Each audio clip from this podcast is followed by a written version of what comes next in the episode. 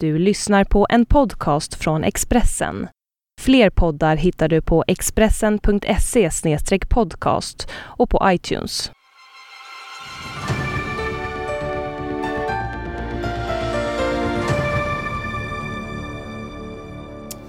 Hej och välkomna till Pilblad och Svensson, programmet där vi möter våra viktigaste makthavare. Ikväll Urban Bäckström, VD för Svenskt Näringsliv. Avgörs nästa val genom de sociala medierna? Ny Novusmätning ger svaret. Och vi berättar om snackisarna på Twitter. Och vi följer också det ni kommenterar via vår hashtag TVPS. Följ oss också på Twitter och Facebook. Och varmt välkomna till premiären av Pilblad och Svensson. Och Bram Bäckström, du finns ju på Twitter har vi sett, men inte en enda tweet sedan i januari. Nej, det, det, är två skäl till, till, att det inte fungerar för mig riktigt. Dels så brukar jag vara långrandig ja, och man måste ha väldigt lite format där, eller kort format. Och det andra är att jag har tjocka fingrar så det går inte att skriva så mycket. men, men jag vill vara med i alla fall och nu blev mitt konto kapat här, här om veckan och då skickar de ut sådana här bantningspulver och det är möjligt att det hade en väldig trovärdighet med tanke på att de kom från mig. Vem kapade kontot? Ja, det vet jag inte hur det där funkar men, men jag fick byta lösenord och så löste det sig. Men, men hur reagerade du? Polisanmälde du det här? Nej, eller? det gjorde jag inte.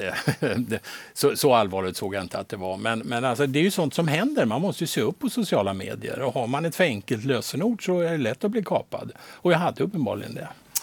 Den senaste veckan har i vanlig ordning varit intensiv i de sociala medierna. Händelserna i samband med Boston Marathon tog omedelbart över Twitterflödet och det spekulerades vilt från första minut. Ja, vi såg ungefär samma typ av spekulationer i samband med de stora terrordåden i Norge. Det var många som spekulerade, drog slutsatser väldigt tidigt och dessutom fel slutsatser. Men det finns de man kan lita på även på Twitter Twitter. Bostonpolisen till exempel, där uppdateras vi med den senaste informationen på ett föredömligt sätt.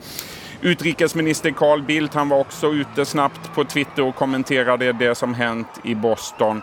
Och han påminde oss också om att många människor dött eh, vid explosioner i Irak. Här hemma i Sverige heter det mest omskrivna partiet den senaste veckan Socialdemokraterna om vi tittar på de sociala medierna. Och det beror förstås Anders på storbråket i partiet. Absolut. Om man tittar på ett Twittermoln över de ord som har förknippats med Socialdemokraterna eh, den senaste veckan så ser det ut så här. Det är alltså via tjänsten Novus Vidi som har fått fram det här resultatet. Ja, vi ser att det handlar i eh, stor utsträckning om Omar Mustafa och det faktum faktum att han tvingades bort ifrån partistyrelsen. Veckan efter partikongressen har det alltså inte varit partiets politik som varit i fokus utan man har pratat om den här skandalen. Med oss direkt så har vi PR-konsulten Marianne Jodi. Hur tycker du att Socialdemokraterna har hanterat den här affären? Eh, jag tycker nog inte att de har hanterat den alls. Eh, jag kommer osökt att tänka på ordet vindflöjel. Eller ja, man kan ju även dra paralleller till Disneys klassiker Lejonkungen med de skenande gnuerna som i, bara springer i blindo och följer strömmen utan att stanna upp och tänka efter. Vilket slutar med att man riskerar att springa ut över ett stup. Jag tycker inte de verkar ha gjort någon egen research alls utan bara litat på det som rapporterats i media. Och det tycker jag är en annan följdfråga. Vad säger det om media? Gör inte media någon research innan de börjar skriva eller rapportera? Om vi, om vi stannar vid Socialdemokraterna, vi ska naturligtvis också vara självkritiska, men hur ska Socialdemokraterna göra för att repa sig efter det här? Ja, repa sig eller lappa ihop sig kanske. För det första så måste de ju ta ett steg tillbaka och skapa sig en egen bild och göra den här researchen de inte gjorde. Eh, och om det visar sig att de har haft fel eh, så håller jag med eh, de här 29 socialdemokratiska eh, partikamraterna till eh, Mustafa som skrev en eh, debattartikel. Och de kräver ju att partiledningen tar avstånd från anklagelserna och att de eh, återigen uttalar sitt förtroende för honom och, eh, och ber honom om ursäkt. Och så kanske de också ska be Sveriges muslimer om ursäkt. Det är ju väldigt, väldigt många muslimer som röstar på sossarna. Tusen tack för det Marianne Jodik, PR-konsult och eh, för hur du såg på den här affären som Socialdemokraterna har varit inblandade i. Som ni märker försöker vi prata mycket om det som händer i de sociala medierna. Och en fråga man kan ställa sig är hur stor makt har de sociala medierna egentligen? Ja, stor makt. Eh, vi bad opinionsinstitutet Novus att ställa frågan till 1000 personer. Vilken betydelse tror du sociala medier kommer att ha för valutgången i valet nästa år? Och här ser ni resultatet. 55 procent svarar mycket stort eller ganska stort. Jag kan lägga till också att eh, det är Facebook som enligt den här mätningen var i särklass störst bland de sociala medierna. Urban Bäckström, är du förvånad över det här resultatet? Att det är så många som faktiskt tror att de sociala medierna kan avgöra ett val? Men det är väl rimligt att tro att det kan påverka. Om det avgör, det är svårt att veta tycker jag. Men den här tekniken breder ut sig i samhället i stort. Den påverkar hur företag styrs, var de lokaliseras. Den påverkar medierna. Själv läser jag nu eh, alla tidningar på iPaden. Eh, och det är klart hur människor kommunicerar och tar intryck. Så att det, det, är inte så konstigt att det här successivt breder ut sig tycker jag. Hur viktiga Sen, är de sociala medierna för er på svenskt näringsliv? De har blivit väldigt viktiga under senare år. Vi hade till exempel förra året ett stort möte med eh, tusen företagare där vi jobbade med Facebook. Alla skapade sitt Facebook-konto och jag var uppe på scenen och bad att alla skulle adda mig så jag fick tusen kompisar på en gång. Annars har jag varit rätt restriktiv med det där. Men det är mm. fantastiskt att kunna kommunicera med så många människor. Och, och sen finns det ju bara gilla. Va? Man kan ju inte tummen neråt, det funkar inte där. Och, så det, det finns blir ett trevligt medium. Va? Vi ska säga, det finns fler eh, sociala medier än Twitter och Facebook. Instagram, som vi också har tittat närmare på under den senaste veckan. Vi hittade bland annat den här bilden på landstingsrådet Filippa Reinfeldt. Där står hon i sjuksköterskekläder eh, under ett besök på Danderyds sjukhus. Jag misstänker att hon har lite mer i lönekuvertet dock än eh, de här sjuksköterskorna och undersköterskorna som hon har träffat. Säkert tio gånger mer, ja. Här har vi ett annat eh, smått fantastiskt eh, foto. Vi ser eh, förra vänsterledaren Lars Ohly. Han gäspar. Ja, eh, han är också inne på att lämna politiken. Han kanske har tröttnat helt enkelt. Det verkar onekligen så. Han kandiderar alltså inte till riksdagen i valet nästa år. Så, men man kan ju gäspa så att man är trött på kvällen. Det kan man naturligtvis. Den här bilden togs eh, när han satt på ett tåg, eh, vet jag. Ja. En av eh, Sveriges största och kanske mäktigaste eh, twittrare är vår kollega Jenny Strömstedt. Hon är krönikör på Expressen, hon är programledare på TV4. Svensson och Pilblad. Naturligtvis har jag kollat Twitter innan jag går in i min studio för sändning. För då kan det dyka upp nyheter som till exempel att Yohio som är gäst ikväll har splittrat sitt band Ceremedy och eh, det blir en bra sak att prata om ikväll. Så jag skulle säga att Twitter är min nyhetskanal vid sidan av alla andra mer etablerade medier. Eh, och eh, ja, jag skulle faktiskt uppmana de flesta att twittra också. För för mig är också det ett möte med de som tittar på programmet Jenny Strömstedt. Vad tycker de? Vad tycker de inte om? får man också veta ganska tydligt. Så att, eh, ehm, ja, jag kommer nog fortsätta twittra. Fyra år är möjligen stört att ha twittrat men jag fortsätter ett tag till. Jenny Strömstedt alltså. Följ henne på Twitter och följ även Pilblad och Niklas Svensson på Twitter. Och eh, håll ut, vi är snart och tillbaka. Även, även Alldeles strax. Urban Bäckström, VD Svenskt Näringsliv. Se oss snart.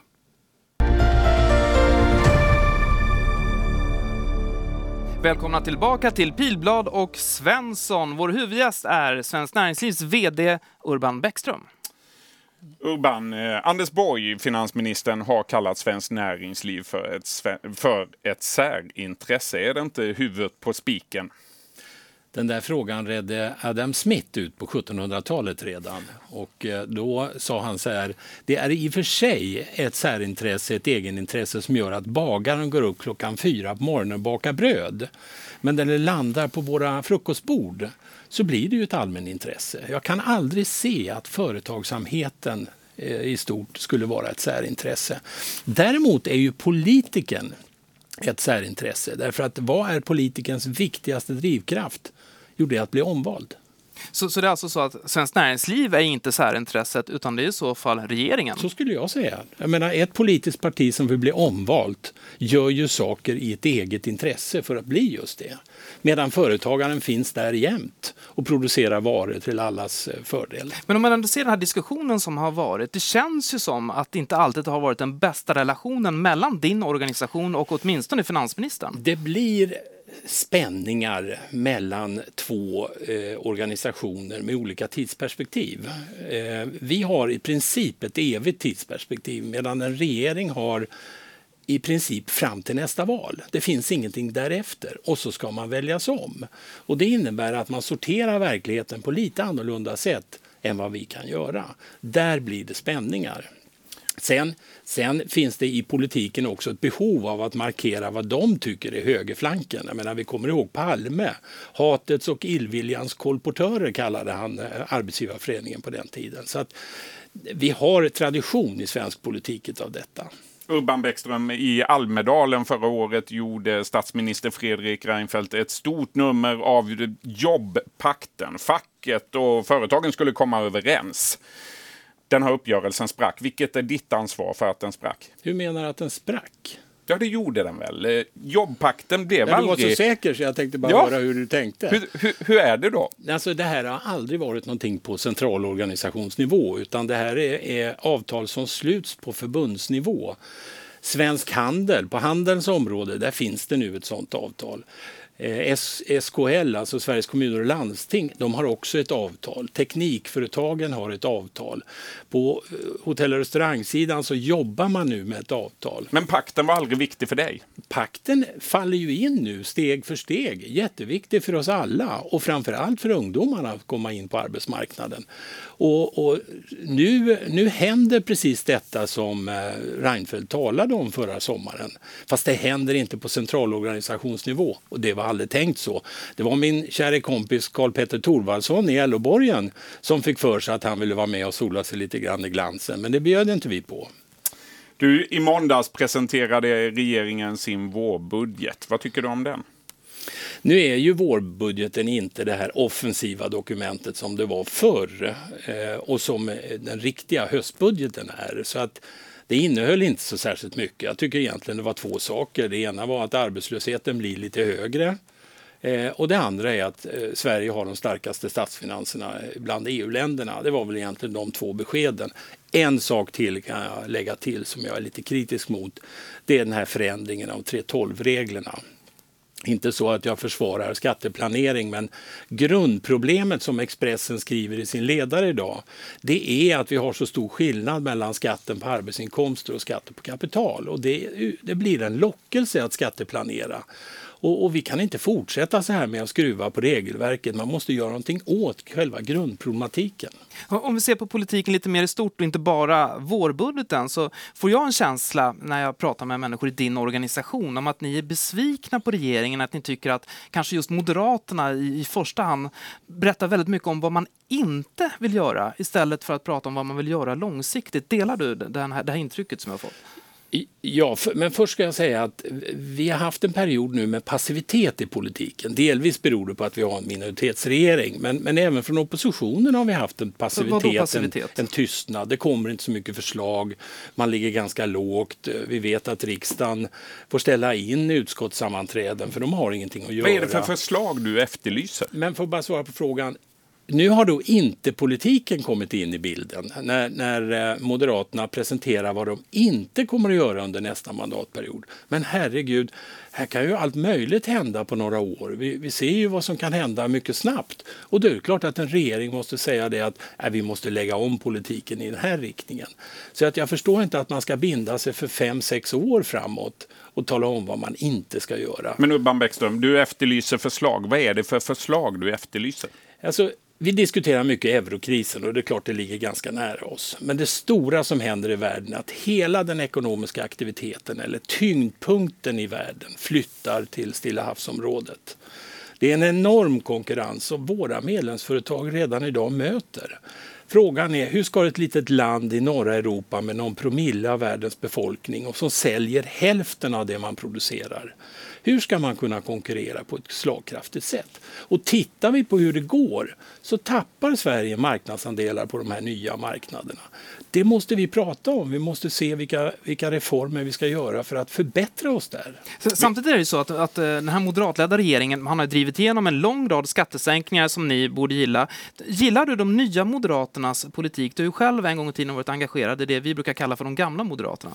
Vilket var bäst, nya eller gamla? Eh, jag, alltså jag tycker att den här regeringen, om vi ser det på den samlad med alla fyra partierna, har gjort väldigt mycket bra saker. Men vi behöver komma ett stycke längre. Vi har några högt hängande frukter som är lite besvärliga att tas med. Skattesystemet är ett sånt. Va?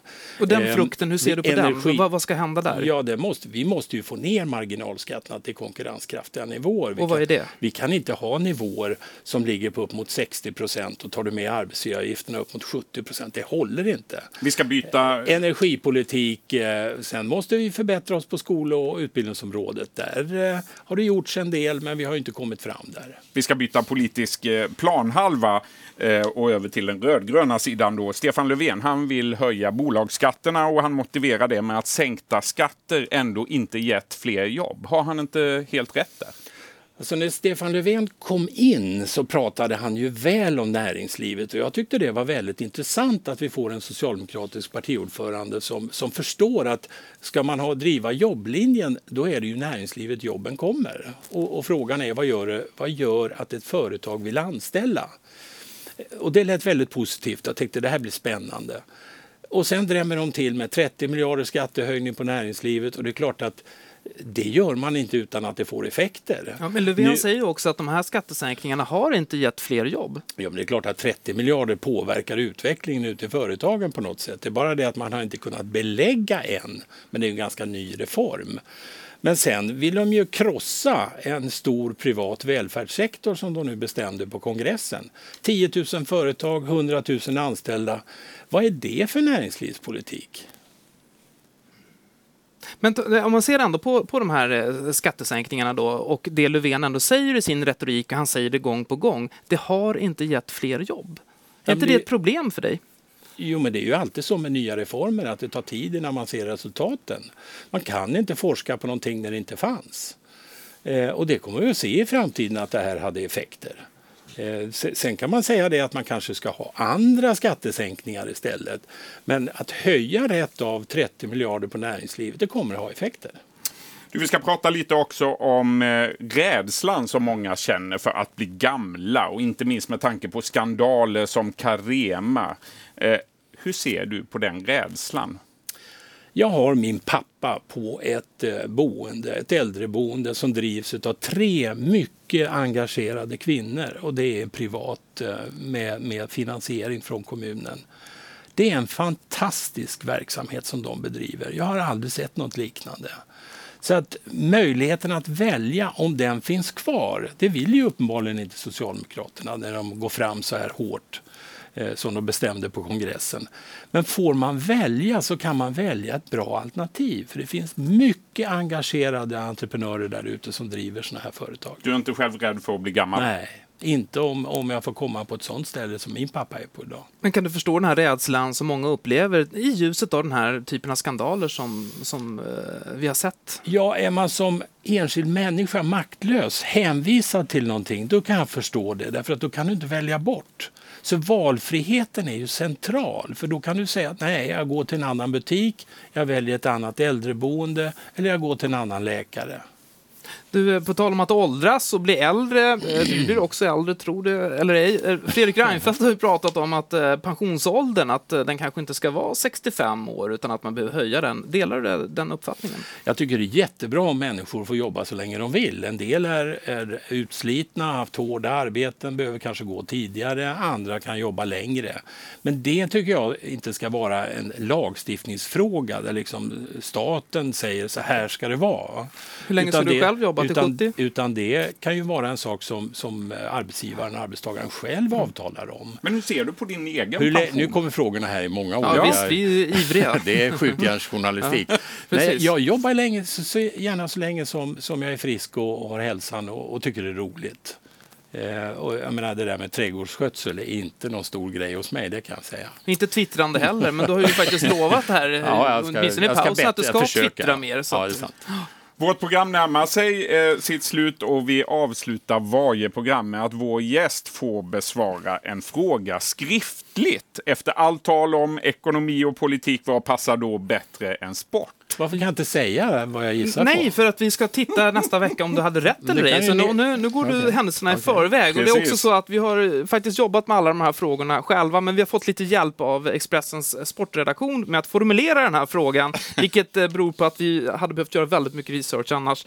Frågan lyder, vilket lag tar SM-guld i hockey i veckan som kommer? Skellefteå eller Luleå? Här Och nu får inte du säga vad du eh, skriver här, utan eh, det får vi höra nästa gång. Däremot så kan man ju få höra om du är intresserad av hockey.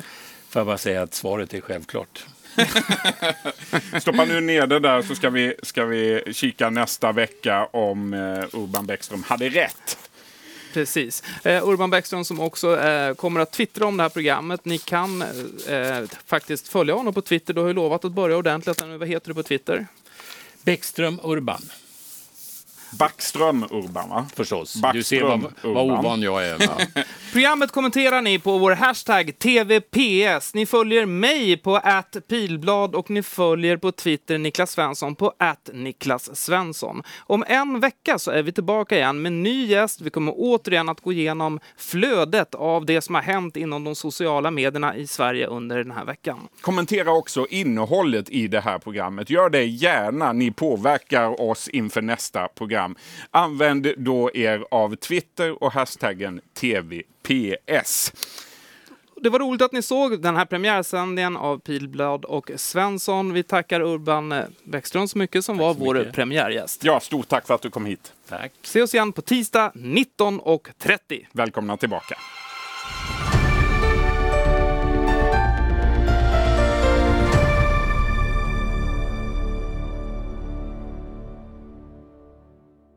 Du har lyssnat på en podcast från Expressen. Ansvarig utgivare är Thomas Mattsson.